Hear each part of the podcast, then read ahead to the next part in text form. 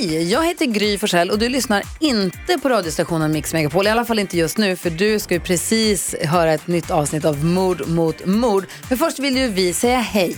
Hej, hej, det här är NyhetsJonas. Det här är Carolina Widerström. Och här är Gullige Dansken. Ja, och så Gry då. Och det vi vill säga att när du har lyssnat klart på den här podden, då får du gärna lyssna på våran. Vi spelar in ett nytt avsnitt varje morgon av våra podd Kvartsamtal. Och hela radioprogrammet blir ju också en podd om man är väldigt morgontrött eller så. Just det, om man missar morgonen ja. Men mest av allt så får du gärna lyssna på programmet i direktsändning varje morgon på Mix Megapol. Live varje morgon från klockan sex och då har vi med oss massor med vänner också. Thomas Bodström, Babben Larsson, Johan Pettersson, Krista Luuk. Massor med coola människor som bara dyker upp och gör livet bättre. Ja, som jag, Gullige Dansken. Exakt så. Och så mycket bra musik och annat skoj såklart. Så vi hörs när du vaknar på Mix Megapol. Podplay. Han berättar då att på natten så hör han ofta någon som kallar på honom som säger kom, kom. Christine kommer vid ett tillfälle på henne med att hälla någon slags rengöringsmedel i hennes kaffe. Och när hon frågar Natalia vad hon gör säger Natalia att hon vill förgifta henne.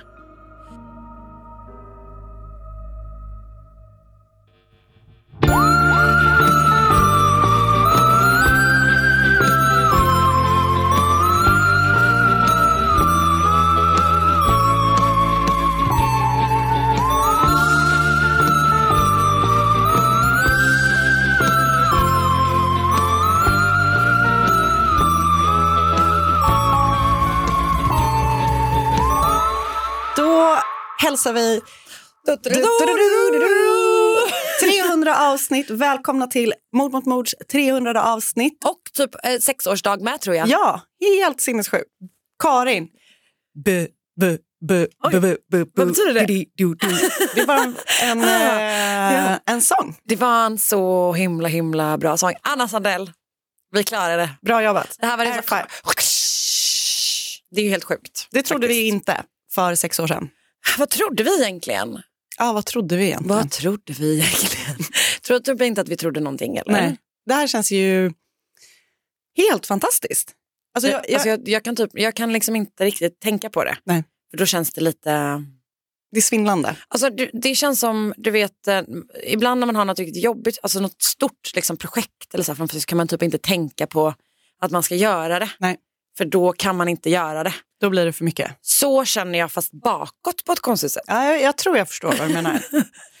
Men vad kul det är att vi gör den här podden med varandra. Ja, alltså, tänk att vi varje liksom, vecka har det här som knyter oss samman och som knyter oss samman med så många underbara människor som lyssnar. Jag, jag blir helt eh, teary-eyed när jag tänker på det. Ja, eller hur? Ja. Och så får man väl säga tack till alla, Alltså, alla som lyssnar. Alltså, det är faktiskt helt otroligt. Vet. Det är helt verkligen otroligt. det mysigaste. många, många kompisar vi har. Ja.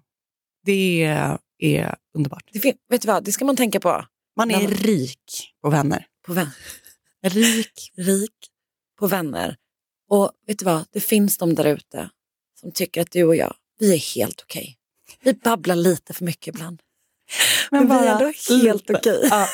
ja, men det är De har varit väldigt kul. med oss hur länge som helst. Ja. Bara en sån sak. Bara en sån sak. Nej, men, eh, underbart att vara här. Så jäkla kul. Jävla stämning. Alltså stämning. Du, hur mår du annars då? Men jag mår bra. Det är liksom hopp om livet. Oj. Som man känner varje vår. Januari. Exakt. Jag kom på att det är lite för tidigt att Men det är väl jättehärligt? Men jag kände idag att det liksom var, alltså det bara kändes, fåglarna kvittrade Ja. i morse. Ja. Inte hört på hur länge som helst. Det kändes liksom lite ljusare. Det känns lite, Men- Du är, vill du sjunga? Inte än, det är för tidigt Karin. It's, Prematurely, Alltså, vårens verkligen. första dag. det, det är inte riktigt där. Nej, men jag, jag mår faktiskt väldigt bra. Jag tycker att eh, livet känns eh, Ljust, hoppfullt. Ja, du då? Tycker också jag mår bra. Du ser ut att må väldigt bra. Tycker du? Ja. Men det är för att jag lånat ditt smink precis. Du har, ju så, du har ju så bra smink känner man ju. Nej, du är alltid underbar. Nej, Men jag känner också någon slags... Eh, vet du vad jag tror att det kan vara? Det har just varit löning. Det kan verkligen vara det. För jag känner mig väldigt ty- ekonomiskt förbi- tyngd innan. Vi är förbi årets fattigaste månad. Exakt. Mm. Vi klarar det. We're still here. We're still standing. Kul att det är det som är, inte att vi gjort 300 avsnitt sex år, utan vi tog oss igenom tre 800 år av januari. Ja. Ja. Men du, eh, har du några tips? Alltså, vi pratade ju om ehm, nya säsongen av True Detective Ja. förra veckan. Ja. Nu har jag sett två avsnitt. Ja, det är det som finns ute. Det är det som finns ute. Det är ju eh, jättespeciellt. ja. Men alltså, man gillar det ju. Men Det är man får lite ju, spökigt. Det är väldigt, precis. Men det jag undrar är om det kommer vara en sån twist att det inte är så spökigt. Jag tror inte att det kommer vara det. Nej, jag tror inte heller det. För att grejen är typ att det finns ju vissa i den här första, alltså yell, heter den, Yellow King. Ja, det känns också exakt. lite För det, det var exakt det jag sa också till eh, Oscar. För han bara, det, och så här, det var precis samma i säsong ett, att man tyckte att det kändes också. Så jag tror inte heller det kommer vara det. Men jag får stresspåslag av all snö eh, och sådär. Men, men jag gillar det. Jag, Där är det ju, det är ju sällan vårens, alltså vårens första dag känns, den ligger ju långt borta från True Detective. Jajamän. kan man Det kan man säga. Men eh, Judy Fo- eh, Jodie Foster är, um, Hon är toppen. toppen. Ja, hon är verkligen toppen. Man gillar henne. Eh, Jag började igår kolla på, eh, vad heter hon, Sofia, Sofia Vergara. Vergara. Ja, ja, ja. Hon gör ju eh, Griselda. Ja. Nu ser det. Den Stor verkar, eh, eh, satsning på, eh, liksom based on true stories om en eh, kvinna som eh, styrde Miamis eh, kokain, eh, droghandel. Exakt. Mm. Den har jag på min watchlist. Ja, det tycker jag att du, där kan den få stanna kvar. Eller ja, du kan börja kolla på Ja. Men den kändes, jag bara såg bara ett avsnitt men det kändes som en, en härlig watch. Ja, kul. Nu tycker jag vi kör. Vi kör. Vi kör. Poddtips från Podplay. I podden Något Kaiko garanterar östgötarna Brutti och jag, Davva, dig en stor dos skratt. Där följer jag pladask för köttätandet igen. Man är lite som en jävla vampyr. Man har fått lite blodsmak och då måste man ha mer. Udda spaningar, fängslande anekdoter och en och annan arg rant. Jag måste ha mitt kaffe på morgonen för annars är jag ingen trevlig människa. Då är du ingen trevlig människa, punkt. Något Kaiko, hör du på Podplay. Därför är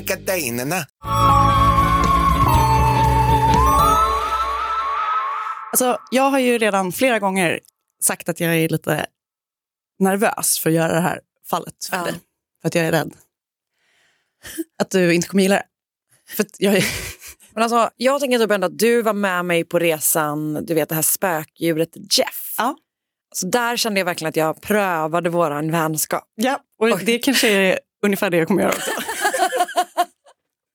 Okej, Jeff det, är lite, det är en liten twist eh, liksom, Ja. den här veckan. Kul. Men jag tänker att mitt motto för 2024 får bli att chansa lite. Så jag börjar redan här nu. Ja, gud ja, jättebra. Okej.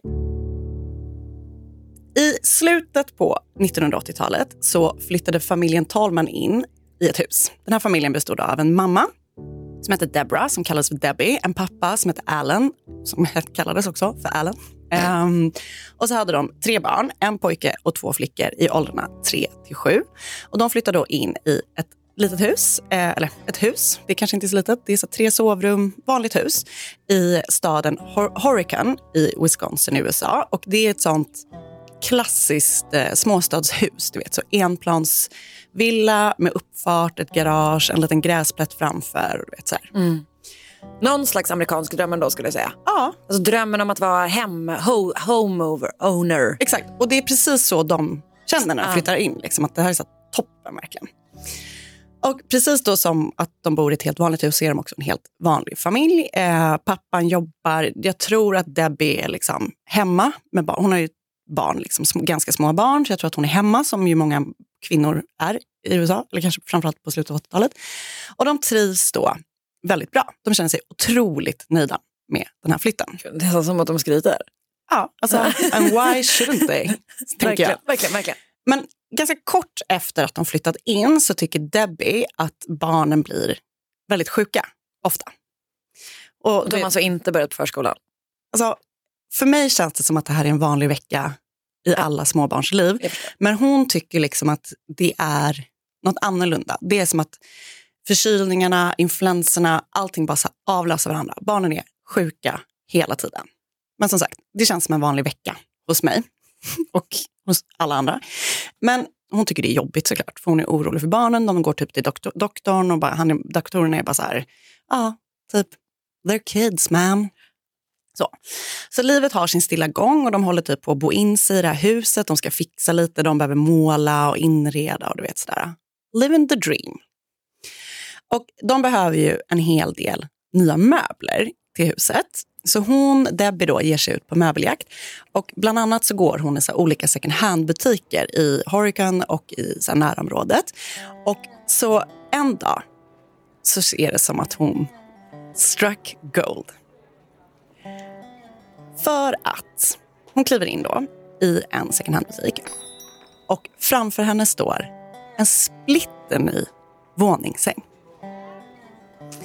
Och hon tänker typ så här, det här skulle vara perfekt i våra tjejers rum. De ska dela rum och pojken som är äldre, han ska vara ett eget. Liksom. Eh, så hon slår till. Hon ber sin man typ fixa med upphämtning och så kör de hem sängen och ställer den då i tjejernas rum.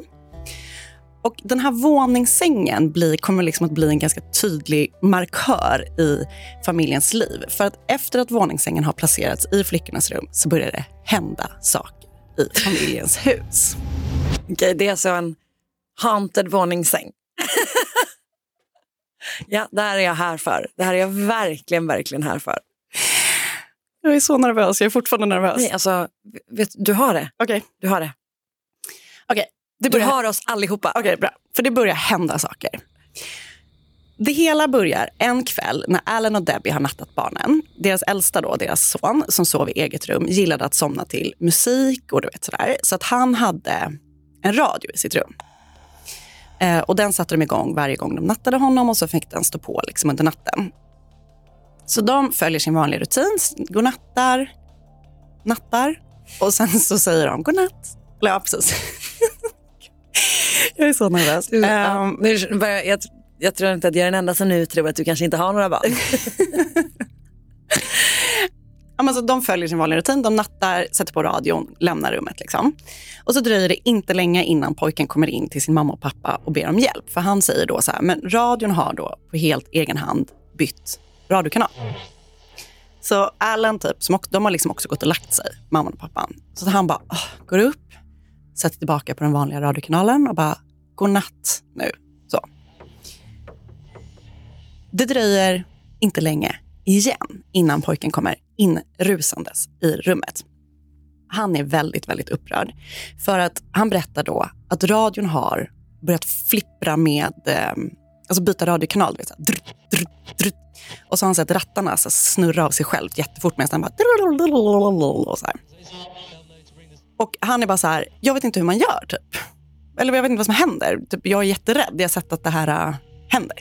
Och då blir Alan typ så här, skärp dig nu liksom. Det är sent på kvällen, vi behöver alla sova. Om du ska hålla på och stöka med den här radion så liksom får du inte ha den. Nu tar vi ut den härifrån för att vi orkar inte med ditt bus, vi måste få sova. Godnatt, ut med radion, sov gott. Liksom. Och den här stackars pojken får då natta sig själv utan radion. Några veckor senare så höll Alan på att måla om i den här källaren. Som de, liksom, de har inrett och så nu så kommer de ner till källaren som ska bli någon slags hobbyrum. Eh, Debbie kommer ner och säger typ så här, nu är det lunch älskling och han är bara så här, okej okay, jag kommer. Så eh, tar han sin färgpensel, lägger den på kanten så här på bordet för att den inte ska liksom fläcka något och den ska inte trilla ner i färgburk. Alltså, vet, så, här. Eh, så går han upp, äter lunch med hela familjen och sen går han ner för att fortsätta. När han kommer ner så blir han helt perplex för att penseln är då inte längre där han hade lämnat den. Så den är inte på bordet, utan den är återigen i färgburken. Den typ liksom står upp i färgburken. Och han är bara så här, det här, jag lämnade den inte så här, det här stämmer inte. Och sen är han samtidigt bara, men gud, jag är väl trött liksom. Fortsätter att måla, det är liksom, han bara så här, det är den enda naturliga anledningen till att den är i burken är att jag lämnar den där. Fortsätter måla, fixa så här. Det fortsätter hända konstiga saker i huset. Debbie, mamman då, hon hör ofta konstiga ljud från flickornas rum på natten. Hon hör att det fnissar, att de leker. Men när hon går för att titta till dem och typ säga så här, ni måste sova, så ligger barnen och sover. Mm. Och en kväll så vaknar Debbie av att en av flickorna bara skriker och skriker. Alltså inte så här, jag kan inte sova och skrika, utan så här full-blown panikskrik. Hon och Alan blir bara så här, shit, är det någon som typ bryter sig in? Vad är det som händer? Rusar in i flickornas rum. Och de är då liksom helt i upplösningstillstånd. För då säger de så här, det står en häxa med röda ögon bakom den här dörren och tänder eld på olika saker. Så de bara, lugna er ner er tjejer, det finns ingen häxa här. Typ så, att du vet, så, man, så som föräldrar gör när man ser ett spöke. Titta bakom dörren, kolla här, det finns inget spöke, det finns ingen häxa, ingenting som brinner. Ja. Och sen så nattar de tjejerna, går och lägger sig igen. Även deras äldsta son pratar om att han ofta ser en häxa. Han har också sett typ ett mörkt moln i sitt rum som pratar med honom. Han berättar då att på natten så hör han ofta någon som kallar på honom, som säger kom, kom. Läskigt ju. Du gjorde också det lilla fingret. Ja. Jag, jag ser framför mig det här mörka molnet. Ja. Kom. Och Debbie blir liksom, tycker att det här är jobbigt. Såklart. Hon är, tycker att det är jättejobbigt för barnen, för barnen är liksom rädda hela Ja, tiden. och typ sover dåligt. Ja, det är Ja. kaos. Ja. Och utöver då att barnen liksom ser de här sakerna så hör hela familjen konstiga saker i huset. Du vet, de hör och ser dörrar som öppnas och stängs. Och Debbie hör också röster som liksom kallar, som säger också kom. Mm. Hon är bara så här, vad är det som pågår? Och försöker prata med sin man och bara, det är någonting som inte stämmer. Liksom. Och han är bara så här, men nu får du skärpa dig. Liksom. Så riktigt så som, det här är jag och Oscar i ett nötskal. Ehm, men Debbie bestämmer sig ändå för att ta dit prästen som arbetar i familjens kyrka för att höra om han liksom kan känna någonting i huset. Och han kan mycket riktigt känna att det är onda andar i huset. Han tror att anledningen till att barnen blir sjuka är för att de här andarna tar barnens energi. Mm. Okej. Och det här liksom, gör ju Debbie livrädd. Men Alan bara fortsätter att avfärda det och bara, jag struntar i det. Liksom. Än så länge är jag lite grann på Allans sida. Jag vet. Men jag vill ju inte Jag gärna är- vara där. Jag är lite både och. Nej, men man vill ju inte ha ett kollektiv med en häxa som eldar. Nej, exakt. Det vill man ju inte. Nej. Så hon är, Debbie är liksom skiträdd och är bara så här, jag vill inte bo i det här huset. Och han är bara så här, nu får du lugna dig. Jag skiter i det här jävla spöket. Om det här spöket vill jävlas med min familj så kan de istället ge sig på mig för att ge sig på barnen. Så är han. Okej, big man. Verkligen. Det kommer han få äta upp. För en kväll eh, när Alan liksom kommer hem från jobbet och är utanför familjens eh, hus, han står liksom på uppfarten, så hör han, det låter som att det blåser jättemycket. Alltså det susar och viner och så här. Men det blåser inte. Det är bara ljudet av en kraftig storm. Och sen hör han helt plötsligt, kom, kom. Och han följer då rösten som leder honom in mot liksom garaget. Och där ser han att det brinner utav helvete. Va? Mm. Så han får ju panik. Rusar in i huset för att hämta en brandsläckare. Sätter ifrån sig du vet, typ sin matlåda och bara så här, alltså allt som han haft med sig hem. Ehm, och så rusar han ut för att släcka elden. Men när han kommer ut så brinner det. Det finns inte ett enda spår av en brand. Så han är bara så här, går in igen och bara, vad fan var det som hände precis? Och när han kommer in då i köket, där han precis har lämnat sin eh, matlåda, så känner han en knuff i ryggen och det är någonting som så här schuffar iväg hans matlåda. Så den flyger genom rummet och landar med en krasch på golvet. Så efter det var ju liksom Debbie inte ensam om att tycka att det inte var så nice i huset helt enkelt. Tror du att hon var lite nöjd? Alltså, jag hade varit så jävla nöjd. Told you so. alltså, herregud. Verkligen fick hon verkligen rätt. Alltså verkligen. Ehm, men så, så att efter den här händelsen så tycker Alan också att så här, det är fan creepy i det här huset. Så han börjar sova inne hos tjejernas, eh, tjejerna varje kväll för att typ skydda dem. Liksom. Och så småningom sover hela familjen i ett och samma rum för att de är liksom rädda. För det här det bara fortsätter att hända grejer. Typ. Så en kväll så behöver Alan arbeta sent, liksom, han, eller om han ska vara borta över natten. Eller så här. Och han vill ju verkligen inte då att familjen ska behöva vara ensamma i huset. För att även om allt det här har hänt och hela familjen sover i ett rum, liksom, så är han inte villig att flytta från huset.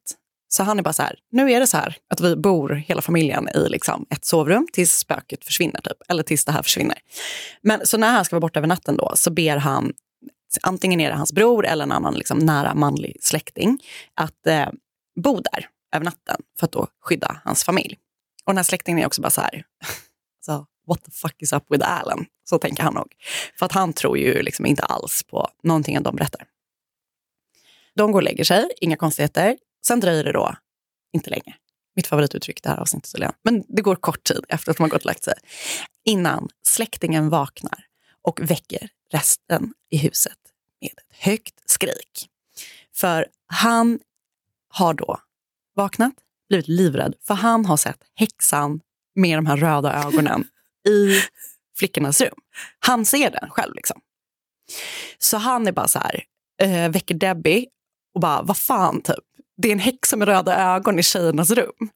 Och det här blir då spiken i kistan för Debbie. Hon är bara säger till den här släktingen bara, du tar ut barnen, jag packar ihop våra mest nödvändiga grejer and let's get the fuck out. Ja. Så Debbie och barnen lämnar huset där och då och de skulle aldrig komma tillbaka. Det är sista gången de är i huset. Och familjen Talman är då inte några som egentligen tror på det övernaturliga eller liksom spöken och sånt, men de är helt säkra på att de har ett hemsökt hus och de är helt säkra på att den som hemsöker dem flyttade in med våningssängen som de köpte då i den här second hand-butiken. För det var då liksom Det här känns som att det här är exakt din syn på second hand-butiker. Va? Jag har jättemycket gamla grejer. Möbler. Våningssäng. Nej, den, vi har en våningssäng, men den är ny Ah. Så in i helvete ny. Jag var typ väldigt glad att den var ny när jag läste det här. Men de är helt säkra på att det är våningssängen som är hemsökt. Liksom. Och den här prästen då som var där första gången, han liksom fortsätter bara så här, ja, det är liksom andar här. Som, och han vet inte om de har flyttat in med våningssängen, men han bara, de är i maskopi med djävulen. Liksom. Andra som har liksom läst på om det här fallet i efterhand tror att det är hemsökt för att huset är byggt på typ en gammal gravplats. Jag vet inte om det är så. Men, eller jag vet inte om det är. Jag vet, jag vet inte. Men Alan och Debbie och deras barn bodde i huset i nio månader innan de då bestämde sig för att lämna där på natten. Och de flyttade som sagt aldrig in igen. De bestämde sig för att sängen behövde förgöras och körde den till en soptipp där den liksom såg till att den begravdes under mängder av sopor. Eh, historien spred sig eh, i den här lilla staden, det var liksom 3000 invånare eh, och alla liksom undrade vilket hus det var och vilken familj det var. Eh, men 1988 såldes det här huset på Larabi Street i Horicon i Wisconsin. Och eh, familjen som flyttade in, som köpte huset, var bara så här, vi har inte blivit hemsökta. Så huset är inte hemsökt. Det, vänta. det här menar du alltså är bevis på att det var våningssängen? Alltså, ja, det är inte omöjligt. eh, familjen Talman ville aldrig liksom bli ansiktet utåt för det övernaturliga och tackade liksom nej hela tiden. Många ville skriva om dem och sådär, göra saker. Eh, de blev erbjudna bokkontrakt för jättemycket pengar och sånt, men de bara tackade nej. De ställde upp helt anonymt i eh, Mysteries Unsolved. Eh, de ville inte visa sina ansikten och ville liksom inte namnge barnen och sånt. Jag vet inte om Debbie och Alan Talman är deras rätta namn. Liksom. Men de ville helt enkelt försöka lämna allting bakom sig och gå vidare. Och om det fanns spöken eller inte eh, och vad som egentligen försiggick där i familjens hus är ju väldigt oklart. Det finns då, alltså vissa förklarar ju spökupplevelser med att det typ är så en kvävgasläcka. ja, exakt. Men Eh, han fick ju också utanför. Exakt. Och det finns, alltså, det verkar inte finnas, eh, och jag vet inte om kvävgas kan läcka, för det är mer typ om man eldar och sånt. Är det kvävgas? Alltså, jag, vet, jag vet inte vad det är. Kolmonoxid. Ja, Kolmonoxid. exakt, det är det Ja. jag menar. Alltså, Eh, och det är ju typ om man eldar och det inte finns tillräckligt med syretillförsel och sånt. jo, men den här häxan eldade du hela tiden. Hela tiden. Sant. Men så det är ju liksom, många då tvekare säger ju att det är det det handlar om. Och jag kommer sålla mig till dem. Alltså jag vet inte. Men det är ju för att jag vet om... Jag vet att du är så rädd. Jag är också så rädd, men jag liksom Mm. är ändå intrigued. kommer aldrig köpa en våningssäng. Nej, Jag Alltså, vet. det är framförallt det. Men vi får försöka tänka att det var eh, kväve... Nej, jag vet inte ens vad det heter. Kolmonoxid. Det, var gas, det Ja. ga, gaslacka. Ja. Men läskigt, eller hur? Jag tyckte inte om det. Nej, okej. Men på ett annat sätt än vad du var rädd för. Ja, okej, bra. Eh, jag har då sett delar av det här Unsolved Mysteries där de tar upp fallet. Eh, jag har också läst på Unsolved Mysteries wiki-page. Eh, jag har läst ett inlägg av Charlie Hintz, på the, eh, flera inlägg av Charlie Hintz på The Cult of Weird. En artikel på Wisconsin Frights, också skriven av Charlie Hintz. En artikel med rubriken Haunted, Haunted House to be sold. Bunkbeds Bird in Landfill på upi.com. Ett inlägg av Hugo Navarro på Factscology och sen har jag lyssnat på ett avsnitt av Murder, Mystery and Makeup och det avsnittet heter Hunted Bugbeds Bunkbeds? Frågetecken.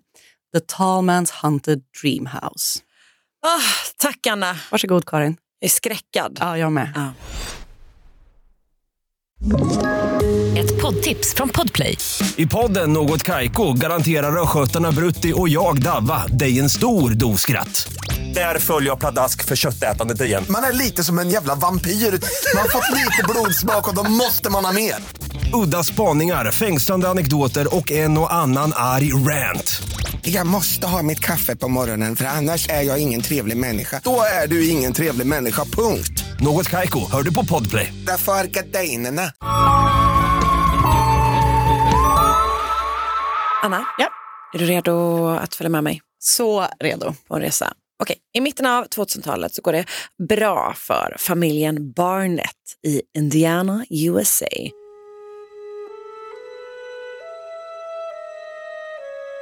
De har riktigt gott om pengar. Pappa Michael är framgångsrik. Han verkar jobba inom någon slags ja, finansvärlden på något sätt. Mamma Christine känner också bra på att driva, alltså hon har typ en välgörenhetsorganisation men också någon slags förskola, skola liknande hemma hos dem. Ehm, i deras, så här, de har typ ett garage och en trädgård där hon har liksom lite aktivitet. Okej. Och den här verksamheten riktar in sig på barn på alltså, autismspektrat. Eh, och deras föräldrar eh, de, liksom, de kan komma dit och, och jobba tillsammans. Och det här är någonting då som Christine har eh, erfarenhet av, eller även Michael. Då, för deras äldsta son Jacob eh, är eh, själv liksom, på autismspektrat. Och de har, han är den äldsta av deras tre söner. De andra heter Wesley och Ethan. Och Jacob hade då haft liksom problem under, i sin barndom och varit ganska inåtvänd så som Christine beskriver det. Men hon hade typ hittat ett sätt att jobba med honom som liksom lockade, alltså, som gjorde att han typ fick Alltså han hade kommit ut ur sitt skal och typ fått verktyg att navigera sitt liv. Ja. Och eh, visat sig vara ett geni. Okej. Alltså klassiska genisaker. Går ut high school som litet barn Ja. Börjar typ forska på kvantfysik, alltså sådana saker genisaker. som genisaker, genier gör. Eh, och de börjar liksom få ganska mycket uppmärksamhet. Typ. Delvis i typ bland alltså föräldrar som har barn med liksom liknande eh, diagnoser då, som Jacob har. Eh, men också typ medial uppmärksamhet. Liksom. Så hon vill hjälpa barn eh, och familjer som ja, att också hitta så här, vad hon då kallar för the spark. Hon kommer senare skriva en bok som heter Spark. Och när hon skriver den boken så får hon 600 000 dollar i förskott. Det går bra. Ja. Lamborghini är bra. Ooh, då vet man. verkligen. 2009-2010 har familjen mycket pengar på banken och som Michael, pappa Michael senare berättar i en dokumentär. We had 13 TVs. Skryt. We got 14 couches. Jag vet, det är för många soffor. Han bara, 18 bunk beds. Jag bara, va? Nej, men there was hundreds of thousands of dollars in the bank account. Eh, Men det är någonting som saknas. De vill nämligen ha ett barn till. Men Christine har någon slags alltså, sjukdomstillstånd eller någonting i hennes kropp som gör att hon inte kan, eh, eller de kan inte skaffa barn på biologisk väg. Liksom. Och därför börjar de kolla på möjligheter till adoption. Okej. De är på väg att adoptera en flicka från Haiti när jordbävningen i januari 2010 drabbar landet och det liksom stänger ner all infrastruktur. Ja. Typ. Så de kan inte fortsätta med det. Så därför blir de så himla glada när de några månader senare får ett samtal från Florida. Det finns en flicka från Ukraina där som behöver en familj. Flickan har ett väldigt ovanligt genetiskt tillstånd. Epifysial dysplasi. Heter det. Eh, och det är liksom, det är någon slags, eh, det påverkar skelettet helt enkelt. Och i alla, allra flesta fall, eller typ vad jag verkar som i alla fall, så, så är resulterar det också i kortvuxenhet. Men, men också typ en del andra utmaningar och, och, svårigheter. Alltså typ, hon, har så här, hon har svårt att gå, hon har svårt att stå längre perioder, hon har svårt att greppa saker. Alltså det är massa olika resultat av det här. Då. Så hon kommer helt enkelt behöva mycket stöd och också mycket vård. Hon behöver typ operationer, hon kommer behöva löpande operationer Ja. typ jämt. Mm. Så. Och nu säger då adoptionsbyrån att familjen Barnett de har bara 24 timmar på sig att bestämma om de vill ha henne eller inte. Okej. De ser det här, de är troende ska jag säga, de ser det som så här, det här är Guds uppmaning till oss och snart sitter de i ett rum på adoptionsbyrån och väntar på sin nya familjemedlem. Flickan heter Natalia. Hon är sex år gammal och har kommit från Ukraina till USA drygt två år tidigare. Hon har varit adopterad av en annan familj innan men de har av någon anledning inte möjlighet att ha henne längre. Vilket bara är fruktansvärt bara det. Alltså Ja. det är, ja. Och varför de inte längre har möjlighet, det får familjen Barnett inte reda på. eh, Men snart får de med sig den här lilla flickan därifrån. Vilket också, ja. Ja. det är mycket med den här situationen som är fruktansvärt Mm. eh, sorgligt, märkligt och typ inte särskilt anpassat till ett barn. Typ. Nej. Men de får då, först är de här i Florida, de är på Disneyland, de testar den här nya familjekonstellationen. Familjen Barnetts yngsta son är också sex år så de ser framför sig hur de ska kunna typ så här, växa upp som tvillingar mer eller mindre. Och de har ju också vana av att uppfostra barn med liksom, eh, särskilda behov i och med Jacob. De är lyckliga och spända på framtiden. Hon är ursöt och typ jätte, jätteglad att vara med dem. Men redan tidigt så blir de fundersamma. Michael och Christine ser fysiska tecken som får dem att tro att Natalia är äldre än vad de fått höra. Alltså det handlar helt enkelt om att det verkar som att hon har typ kommit in i puberteten. Ja. De tycker också att hennes språk är väldigt välutvecklat för en sexår, sexåring som dessutom bara kommit till USA ett par år tidigare. Hon har ingen accent. Hon kan inte typ så här, de frågar henne saker om Ukraina, hon kan typ inte berätta någonting. Och de introducerar henne också till en bekant som pratar ukrainska. Och det finns liksom ingen igenkänning Nej. från Natalias sida. typ. Eh, de inser också att det finns ett annat barn i Indiana med samma superovanliga tillstånd som hon har. Så de sammanför dem. Och de är lika gamla. Men när de, man ser dem tillsammans så är familjen Burnett så här, hmm, det är någonting som inte stämmer här. Typ. De träffas bara en gång. Även familjen på andra sidan verkar tycka att det är något konstigt om. Men det här är inte eh, det, de största problemen utan det är hur Natalia över tid börjar interagera med övriga familjemedlemmar. För i takt med att månaderna går verkar det helt enkelt som att hon är ute efter att skada dem.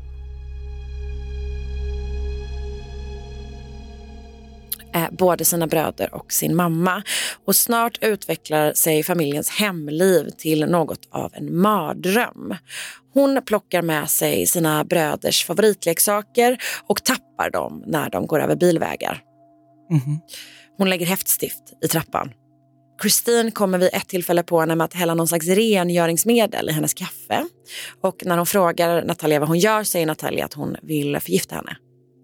Det finns en situation där det verkar som att Natalia försöker putta in Christine i ett elstängsel. De hittar knivar från köket under Natalias säng. Och eh, en gång vaknar Michael mitt i natten av att Natalia står vid fotändan med en stor kniv i handen och stirrar på honom. Ah. Situationen i Barnett-hushållet har helt enkelt blivit ohållbar. Pojkarna är rädda för sin nya syster. Föräldrarna blir allt mer övertygade om att Natalia inte är den de trott då. De tror att hon är mycket äldre än vad som påståtts. De börjar misstänka att barnet de adopterat inte är ett barn alls, utan en farlig vuxen. De tar med sig Natalia till flera olika läkare och ingen kan säga att hon är liksom möjligtvis några år äldre än vad de har trott. Alltså typ att hon är så här, hon, enligt pappren är hon sju eller åtta men de kanske är tio eller elva. Alltså lite grann sådär, eller nio eller tio. Så. De får stöd från psykiatrin. Där får de höra att Natalia kan ha någon slags empatistörning. Och hon säger också i kontakt med vården att hon typ försökt skada sina familjemedlemmar. Eh, och till slut så erkänner hon också att hon, eh, alltså det som de har misstänkt. Hon säger att hon är typ 22 år gammal. Christine och Michael bestämmer sig för att försöka få Natalias ålder eh, juridiskt ändrad. Liksom. Och tre år efter att hon först kom in i deras liv ger en domare dem rätt. Det verkar som att det resonemanget bygger som så på att så här, hon har inte vuxit på typ fyra års tid. Tre, fyra års tid. Och det vanliga är typ att man slutar växa när man är så 18. Så hennes nya ålder blir alltså 22 år. Alltså, Ja, alltså de flyttar hennes födelseår från 2003 till eh, 89. Det är helt, eh, helt Det är så absurt. sjukt. Verkligen. Ja. Hon är plötsligt my- myndig och det förändrar ju liksom deras ansvar för henne Ja. typ, helt och hållet. De bestämmer att hon ska bo själv Mm. och hyr då till en början lägenheter åt henne. Eh, och precis i början kommer de typ med mat till henne och typ hjälper henne att få socialbidrag och lite sådana saker. Men snart flyttar de till Kanada för att Jacob har kommit in, Jacob har kommit in på en skola där. Liksom. Mm. Och lämnar då henne i den här lägenheten. 2014 skiljer sig Christine och Michael och han flyttar tillbaka till USA. Fem år senare blir paret åtalade för försummelse, inte av barn eftersom Natalia anses vara vuxen när hon liksom så, men att hon fortfarande var i beroendeställning av dem. Ja. Eh, och det är så här, hon hade helt enkelt inte möjlighet att typ ta hand om sig själv i den lägenheten. Liksom. Och hon har också blivit vräkt för att hon inte har betalat hyran. Eh, som tur är har hon då blivit omhändertag- omhändertagen av ett annat par, eh, pastorn Antoine Mans och hans fru Cynthia. Men grannar till Natalia vittnar om att hon har betett sig märkligt. Alltså typ så här, gått in hos dem och typ tagit mat. Ehm, att hon inte typ verkar kunna hålla efter sin hygien. Och även att så här, du vet när Christine och Michael handlade åt henne så hjälpte de inte henne in med maten typ. Så hon kunde liksom inte nej. bära in saker i lägenheten och lägenheten verkar typ inte heller ha varit anpassad till hennes längd. Liksom. Så åklagaren menar då att hon, de har brustit i sin omvårdnad av sin dotter även om hon var vuxen. I samband med det här åtalet så börjar Michael prata med pressen och berätta om allting de har varit med om. Och det här blir världsnyheter. Det är så här, vi trodde vi hjälpte en åttaåring, sexåring från Ukraina. Det visade sig vara en 22-åring typ bedragare som typ Ja. försökte mörda oss. Det är liksom rubriken. Typ. Mm. Och eh, våren 2023 kom en dokumentär om fallet som heter The Curious Case of Natalia Grace som gav historien ännu mer uppmärksamhet och den är att det är inte en stabil journalistisk insats kan man säga. Ja. Den är väldigt, väldigt ensidig. Mm. Och i den berättar Michael och Jacob som bor hos sin pappa Mm. samt folk runt om om deras upplevelse med Natalia. Och de berättar om så här, att tandläkare har bekräftat hennes ålder, alltså att hon inte hade några mjölktänder kvar. För det, finns, det finns intervjuer med folk som berättar att Natalia har typ betett sig liksom sexuellt eh, liksom aggressivt och aggressivt i allmänhet mot folk. Då, även då att hon har berättat det här att hon vill skada sina familjemedlemmar. Det är liksom sex avsnitt lång serie. Eh, skräckhistorier helt enkelt om den här upplevelsen. Christine är inte med Nej. i den här säsongen. Eh, Natalia är inte heller med i den här säsongen. Och det verkar som att Michael är den som har sålt dokumentären. Okej. Han beter sig speciellt. Ja. Han säger att också då att Christine har varit våldsam mot Natalia och i dokumentären är det extremt obehagliga klipp där hon typ, eh, som han då säger, visar att hon är liksom i time-out. Då tvingas hon typ stå mot en vägg i hur många timmar som helst. Liksom. Mm. Och om du kommer ihåg, så här, det är ju fruktansvärt i allmänhet, Mm. men givet hennes alltså, liksom, skelettillstånd Ja. så är det Det är liksom... tortyr, Ja, liksom. verkligen Mm. så. Och det, är, liksom, det känns väldigt exploaterande Ja. av liksom, hela grejen. Samtidigt som att så här, ja, alltså, det är en fruktansvärt obehaglig historia åt alla håll och kanter. Oh. Men det är ensidigt och liksom väldigt så sens- sensationslystet. Mm. I höstas, alltså, eller väldigt nyss, Mm. kom säsong två av Okej. dokumentären. Den heter The Curious Case of Natalia Grace. Natalia Speaks. Det är alltså hennes sida av historien Mm. och där presenteras en chockerande nyhet från det här fallet. För med hjälp av DNA-analys så kan man ta reda på Natalias riktiga ålder. När testet görs är hon, enligt vad hon tror då, född 2003, 19 år gammal. Mm. Och det man kommer fram till är att hon är 22 år gammal. Alltså hon var inte född 1989. Hon är typ född år 2000. Det innebär alltså att när familjen Barnett lämnade henne ensam i en lägenhet och flyttade till Kanada var hon typ så 11-12 år gammal. Men gud. En person som är helt liksom uppvuxen i barnhem, flyttats runt mellan olika liksom, institutioner, olika familjer, plötsligt ska, ska klara sig ensam i en lä lägenhet. Alltså det är så fruktansvärt. Ja, det är så sjukt. Och eh, det här för, man pratar också med hennes mamma i Ukraina eh, som hade då blivit tillsagd att så här, du måste lämna ifrån dig den här, eh, det här barnet, du kommer inte kunna ta hand om henne. Typ. Så hon har liksom aldrig haft henne och i efterhand så ångrar hon det Mm. skitmycket. Liksom.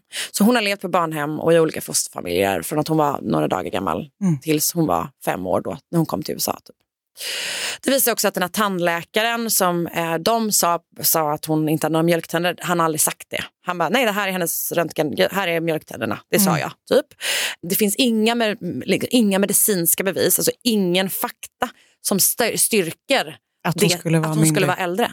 Det finns ingenting. Liksom. Det låter verkligen som att de har bestämt sig för det här. Och den här domaren som ändrade hennes ålder, han har liksom inte heller någon fakta på det.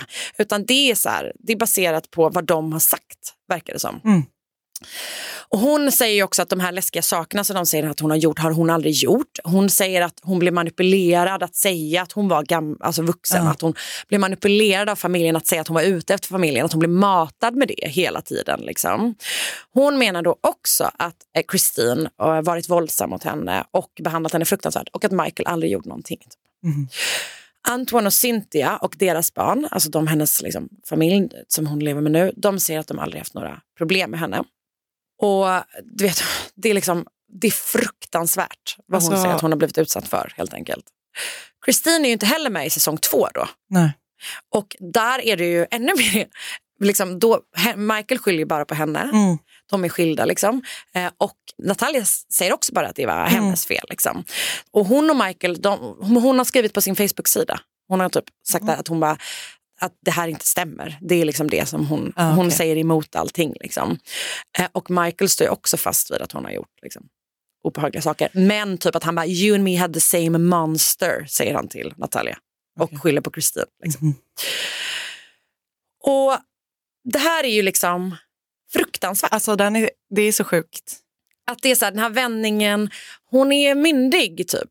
Och sen så bara, nej, Nej, hon var ett barn. Hon var ett barn, hon var ett barn som ni övergav. Som ni är utsatt för massa skit. Liksom. Och det, det är helt absurda scener i den här dokumentären. Alla är, det är liksom, det är weird liksom. Och alla karaktärer känns typ liksom skapade. Så vi har den här liksom Ehm, liksom den här mediala cirkusen men sen har vi den här li- liksom juridiska grejen som pågår på andra sidan där Michael frias Mhm. helt från anklagelserna och i och med det så läggs åtalet mot Christine ner. Så det Okej. har inte blivit något juridiskt av det. Liksom. Och Det här är en historia som kommer att fortsätta utveckla sig och man vet inte om det kommer komma några ytterligare vändningar. Det verkar som att de peggar upp för en säsong tre av The Curious Case of Natalia Grace. För i slutet av säsong två, så, alltså precis de sista minuterna, så spelar producenterna upp ett telefonsvararmeddelande från Antoine och Cynthia Mans där han säger “Something ain't right with Natalia. This girl is tweaking”. Så att det, är så här, det verkar som att vet, så här, men de har å andra sidan gått ut i efterhand och sagt att allting är bra mellan dem. Men de, det är som att de peggar upp för en till Ja. säsong. Typ, vilket också känns jävla mm, obehagligt. Liksom. Alltså, Det här ska också bli en dramaserie där eh, Christine eh, spelas av ingenting, ingen mindre än eh, Ellen Pompeo, alltså Mhm. Meredith Grey. men gud. Och, men det jag kan känna med är så här, om hon har betett sig Mm. aggressivt, man bara, då är, det är inte heller som att någon så här, ja för vad, hon har, vad har hon Nej, varit med om? exakt. Typ. Alltså, om det nu är så att hon har gjort de sakerna så är det så här, hon behöver ju psykologisk hjälp. Ja. Och de, hon har liksom varit inne, men de har typ lagt in henne, under något tillfälle så var hon inne på typ ett, du vet, ett, eh, ett sjukhus för vuxna med psykiska problem. Alltså det är liksom, Mm. ja. Så det här är så här, en historia du vet, bakom rubrikerna Ja. typ, som man bara eh, skakas av. Och jag har då sett The Curious Case of Natalia Grace, båda säsongerna, sex avsnitt per säsong. Jävla cirkus. Men för en fördjupning och problematisering av den dokumentären så kan jag rekommendera att man lyssnar på eh, Real Crime Profiles avsnitt. Där, där är det typ så utredare som diskuterar, de heter The Ex- Exploitation of Natalia Grace, Mm. de avsnitten. Och de typ diskuterar, du vet, allting runt omkring. Jag har lyssnat, också lyssnat på eh, Women and Crimes avsnitt om Natalia. Eh, inte så... ehm, ja, det är nog gjort innan säsong två kom Ja. ut. Jag har läst eh, artiklar på The Independent av Sheila Flynn. Jag har läst Lindsay Idle för People, Palmer Hush för Business Insider och så eh, Dina Janes på oprahdaily.com. Tjena, vilken historia. Jag vet, visst är det helt absurt? Oh, och typ folk är så här, Jag satt och höll i mig så här. Det Ah, gjorde jätte... jag vet. Alltså, i, jag kramade min hand och jättehårt. va, det är så här, och det är många som är så här, det finns nog inte bara en som ljuger i den här historien. Nej. Alltså det liksom är Oh så här, det är inte så svartvitt Nej. som vi vill att det ska vara. Liksom. Men oavsett så har det här barnet varit med om fruktansvärda saker och inte fått det. Alltså, vuxenvärlden har svikit henne något fruktansvärt. Ah, Det helt ju- sinnessjukt. Tack Karin. Du, det var det, var det jag hade. Det var inte så lite. Och tack alla ni som har lyssnat på avsnitt 300. Och de 299 innan det. Och ni som kommer lyssna på det mediokra avsnitt 300 Alltså, som kommer nästa vecka. Mediokert at the best. Vi hörs nästa vecka. Tack för att ni lyssnar. Ni är underbara. Och du med, Karin Och du Lundgren. med, Anna Sandell. Hej då!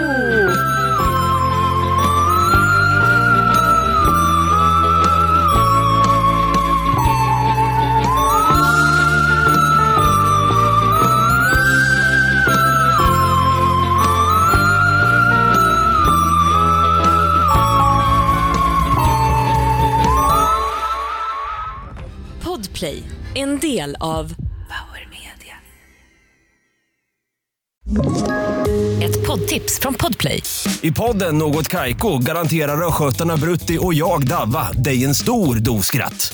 Där följer jag pladask för köttätandet igen. Man är lite som en jävla vampyr. Man har fått lite blodsmak och då måste man ha mer. Udda spaningar, fängslande anekdoter och en och annan arg rant. Jag måste ha mitt kaffe på morgonen för annars är jag ingen trevlig människa. Då är du ingen trevlig människa, punkt. Något Kaiko, hör du på Podplay. Därför är gardinerna.